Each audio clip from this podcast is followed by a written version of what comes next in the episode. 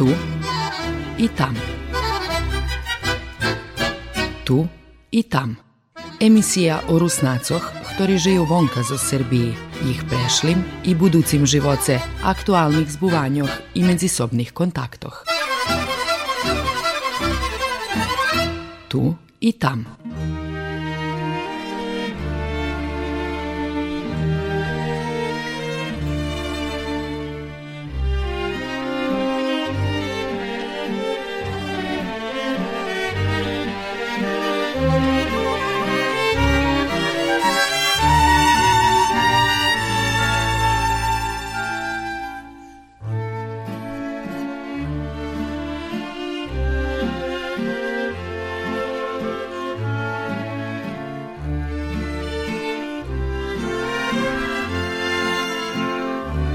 Dobri день, почитувани слухаче. Марко Маркович з Rijeki, odnosno ruskого Kerestura, žije u Kijeve u Ukrajini praktično od 1997 roku, kedy pošol tam studirac. Sobešednik u našej emisiji bol na samih počatkoh emisiji tu i tam, pred šest rokami, kedy sme priznačeli i emitovali Markovu pripovetku o živoce vonka zo Srbiji. U nješkajšej emisiji zo s Markom bešedujeme o varenju, poneže je gurman i kuhar zo Zljubovi. Na počatku zažnem da skeljo slova o aktualnim stanu u Ukrajini. Стаціонарний у Києві, гей, вже сам мав сам одну таку малу паузу, а, був сам у Дніпру, ще змішати. Ну, Bud za svojima za vikend, ali sam žil u Dnjepru, u Velikim Varošu, poneže sam bol sovitnik e, gubernatora. Od kada je počel karantin, prešlo u roku u marcu, koncom marca, tedi sam še vracal do Kijeva i tedi sam tu. E, mi še vidiš tu dako može barže tot e, jak što, dzivi zapad, u smislu, že ljudi še spravuju дос шліботно, але као на снагі тут червена зона, карантин, скоро ціла Україна. Teraz у червоної зони, де oblasti ще уж їм зменшали тут уровень опасності на као на жовтий, але зараз, наприклад, моє зецько має тут дистанційне дистанційну едукацію, всі роблять з дому, але істочашні на улічку більш не повед, że, że karantyn, ponieważ ludzie się Ну, люди ходять по уличку, але не роблять ані кафічі, нормально, ні ресторани, ані ніч. Лем же башти роблять. Тобто можна ручі сказати, ці мені шувонка. Та люди ще за е, та люди ще за по баштах. Е, то у трики ситуації стає гіршадзі, тут солоші то бар спорі темпа вакцинації і бар мало вакцинах український державний тот менеджмент не, не начас окончив wszystko, co треба, і bardzo mało wakcyn i bardzo pomalo idzie. To, to...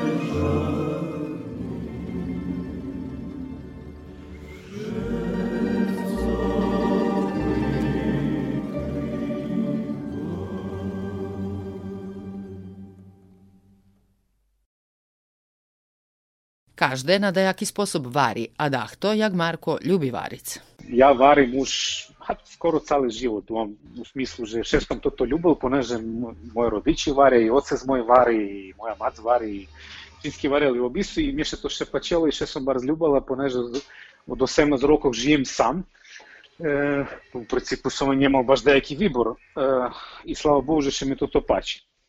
A co się tyka ozbiljnosti, mnie ciężko powiedzieć, to nie, nie, nie na mnie, żeby som oceniował уровень ozbiljności albo e, kvalitetu. Uglavnom люди, які знають, e, які мали стретнутися з моїми кулінарними ділами, вони найліпше тут оцінюють. Ну за те, що ніхто не жалів.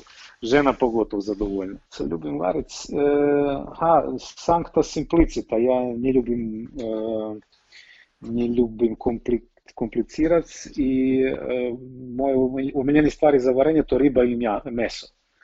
E, poneže to, to, to, co še u nas i varelo i e, co god, hoće jaku ribu mi daje, hoće so za seafood, bo to ja znam, a hoće jakie me, meso. A vidite, riba bardzo interesantna, co się to dotyka, poneže bardzo jednostavni proizvod za, za, za rihtanje. E, ona nie, nie pita veljo, не пита вело часу, не пита високу температуру, не пита Бог знає які, це я знам, метноси коло того, але люди мають якийсь страх, якийсь стереотип, нам би сам поведав, стереотипний odnos к тому, že češko porihta z ribu. Ne znam čom, ne znam čom. Mje, mje povedzme bar zlehko porihta z ribu, hoć jako. I to si metropola, to država u državi, you, you name it, як говоря. А українська кухня, ріхта, а, главном тоту, якщо говорити по нашому речну рибу, uh-huh. а істиці у нас, я знаю, златиця, сом, щука, тобто харча, гей, то сом. Лосос ще велю є, і ріхта, і узго є сту, мада істо і велю у вожі. А, а з Чорного моря ще велю є за школьки, то це деякий аналог на педочі, от з того краю от Каз'я. Jest jest teraz i ukraiński to ty osztryg, ja nie znam jak to po, po ruski, mhm. oysters, nie znam jak nasze слово. Isto ще ріхтають так звані рапани, то isto школьки. І є так званий бичок. Бичок то isto не знаю по нашим, zato že to morska riba i ona bar смачна, вона мала, jednostavna, недрага і bar ще велю ріхта по ресторанах, baš так як пражена і вона za zezanje, zato že dozi bardziej smačne meso, a ma veljo kosti. Znači, to baš tako da šegiš da se babraš, za babraninu, no, za uživanje takie gastronomskie.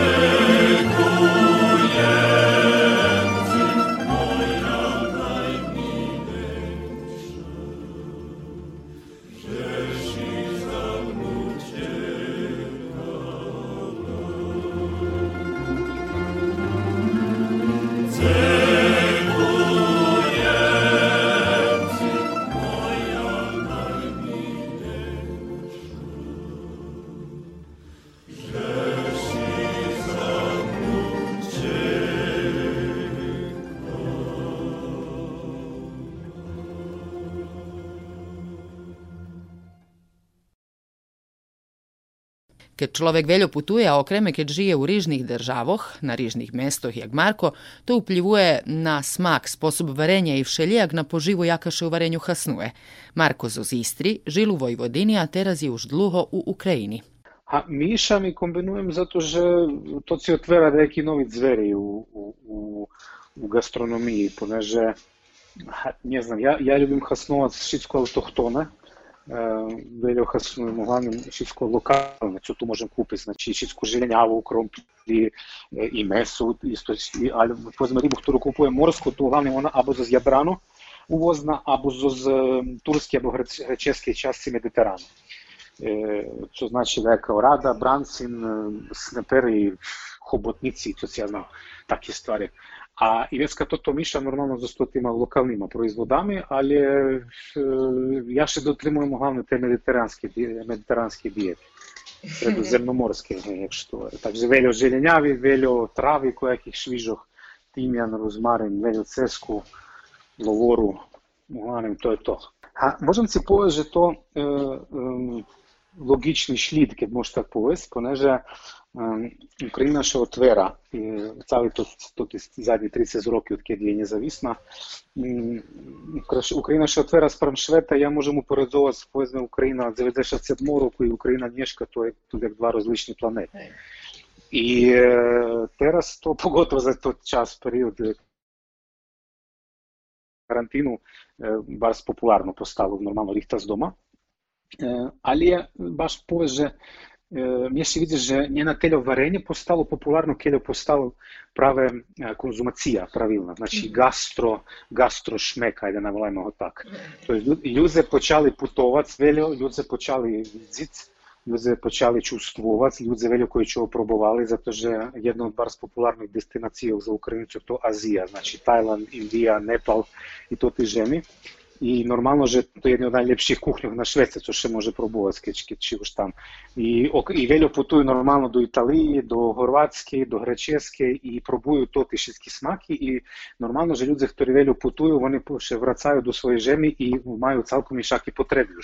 Значи, вони у дучанок су квалітетніше, сукуповати смачніше, i zato še teraz pojavilo bar zveljo super restorani, v ktorých ponuknuce fenomenalne. To jest jednostavno postali barži забув, що наше слово вибагливіші, як, як що.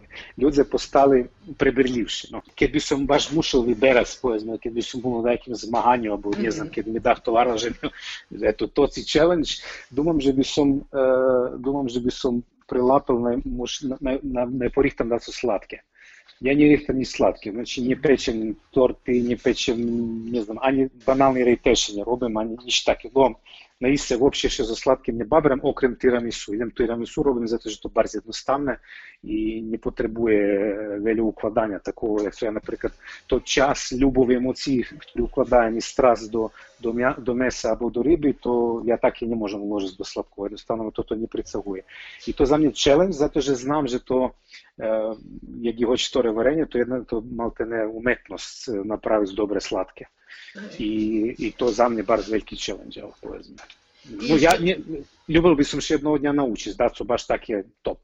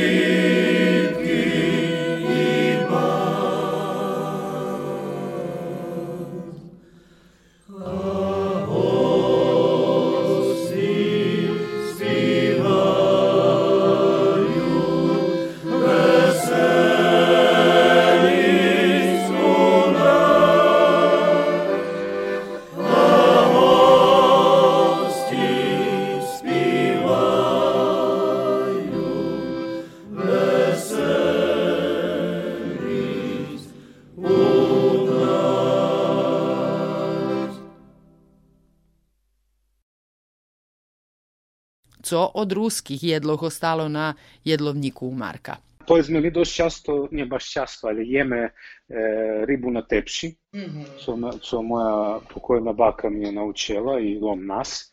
I brato to pravi, i ja to to pravim, e, znači to ha, riba на рискаші і кромплю. Типічний крачунський, і за крачунізм то то робила інших, да кеді нам ще зоси таєме.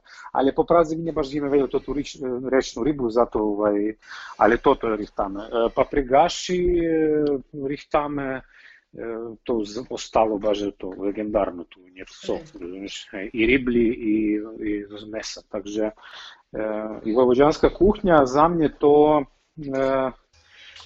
Може, jedno od bar, je, je, jej bogactwo prawie u tym, że jest taka zmieszana, za to, że kiedy masz jakie je teraz 30 30 zidacov nacionalne menšine, ki če to všetko zmiša, тут jedna prava enolončnica, to super. Не може бути loša kuhnja, розумієш? Zato ovaj, i še tam dobre jedlo, takže to sigurno, že u mnje tleje i to, to čas mo DNK isto je i starska kuhnja, zato že Istra bar spremišana, pre Talijanoh, pre Horvatoh, pre Serboh, pre Slovencoh, i već kad imaš to tu isto mešaninu, babraninu, która ci dava fantastične rezultate, e, pogotovo u paštoh, u picoh, u kojakih takih jedzenjoh, to se vola seljanske jedzenje, to, to su u stvari, e, jak se to, to Horvati varja na žlicu, na lošku, ej, to, to že bi še cela familija najedla da imaš i, i guste i ritke. ja ljubim, ja, ja take bar zljubim, no. Takže ovaj, variše, variše i taki, normalno že ostalo i pestuješ. Tu nieco. Sluhali ste rozvarku so Markom Markovičom zo Kijevu u Ukrajini. Teraz posluchajcie prilog, jaki dostawamy u Czeranki z internet radiom Rusin FM.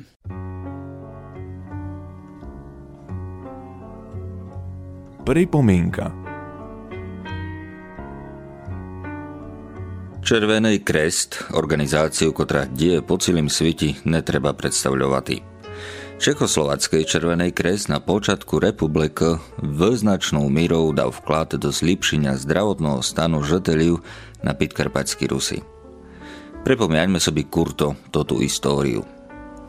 Perše dobrovoľné organizácii Čechoslovackého Červeného kresta venekli u 1920 roci v Užhorodi i ich člení roden českých uriadnikov i vojakov. Napered pomáhali zahraničným misiám, postupno začali s vlastnými aktivnosťami. Išlo holovno o charitatívne akcie, jak rozdávania potraven či odeži. U vybratých lokalitách Červenej kres bydným žeteľom dával i obid. V kritičných rokách 1920 až 1925 vodal Červenej krest až 9 miliónov porcií obidiu. Dokonca sa organizácii podarilo presvedčiť ku tzv. kenderiční akcii, pre ktorý v krízových rokách na počiatku 1930 rokov rozdali každý rik až 185 tón kenderici. Ďalšie akcie Červeného kresta na Pitkarpatskej Rusi boli zameriané na matere s deťmi. U novoveneknutých 14 poradných ambulanciách každý rik pomohli kolo tisíc materiám i ich deťam, tak samo chodili i priamo do roden. Celkom voňatkovou diálnosťou bolo zriadžovania domoví pro školáriu mišťanských i učňovských škol. Toto internáty boli zriadžované holovnou seredňo veľkých místach, jak Veľkej Bereznej či u Volovým, kde bola štodenná navštíva škol pro školáriu i z oddalených oblastej bar skladná i doroha. Ukvarteľovania i stravovania v tých domovách bolo buď za malé hroše, alebo často celkom bezplatno. V šesťoch takých internátach mohlo byť do Viedna až 200 školáriu. Tak domov pro školáriu svojou organizovanou diálnosťou značno pomohli i ku pidňaťu hygieničnej i kultúrnej úrovni rusenská školáriu. Neoddeliteľnou časťou námach o zlepšenia zdravotného stanu molodeži na Pitkarpačský Rusi boli letní kolónii, što jak letní ozdravovni. Toto dakilko 100 molodým ľuďom každý rík umožnili príjemné letní vakácii. Keď besidujeme o Čechoslovackým červeným kresti, ktorý dial u medživojnovým perióde na Pitkarpatskej Rusi, treba spomianuť i to, že má veľkú zásluhu na tým, že presun armii i veľkoj kilkosti žeteľov českej národnosti z Pitkarpatskej Rusy do českých zemeľ odbel sa kincom 1938 roku bez väčších zdravotných komplikácií. Jak raz tod, kincom 1938 roku i začiatkom 1939 diálnosť Čechoslovackého červeného kresta na Pitkarpaťu skončila. Červený krest v rýznych državách po celým svete pomáhať dodnes. I dnes sú ľudé, a nelen v bídnych krajinách, ale i v tých bohatších, ktorí potrebujú pomoci. Ale nemusíme vse čakať len na Červený krest, či na inčú charitatívnu organizáciu. Pomoči môžeme i my, keď vedeme kolo sebe človeka, ktorý potrebuje pomič. Netreba rozdumovať. Шумний тиждень, в котрій може декому поможете, вам жечить Петро Медвідь. Pripomienka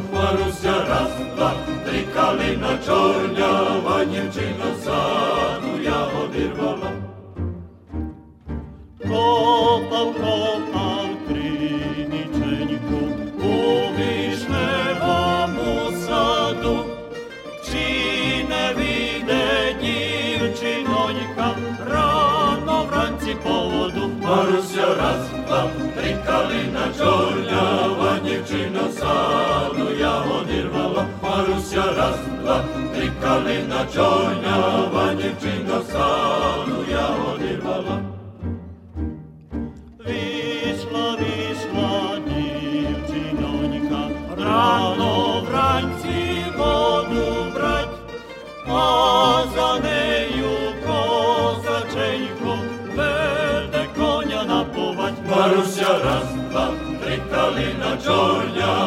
Дівчина саду я одірвала, Маруся раз, два, три калина чорнява,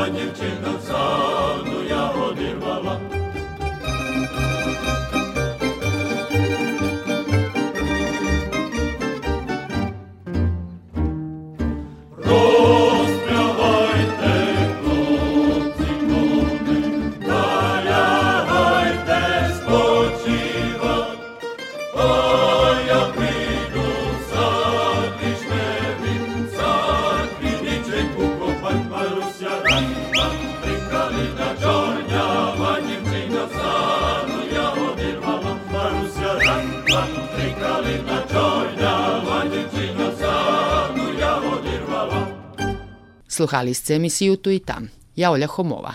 Do posluhanja. Tu i tam. Tu i tam. Emisija o Rusnacoh, ktori žijú vonka zo Srbiji, ich prešlim i buducim živoce, aktualnih zbuvanjoh i medzisobnih kontaktoh. Tu i tam.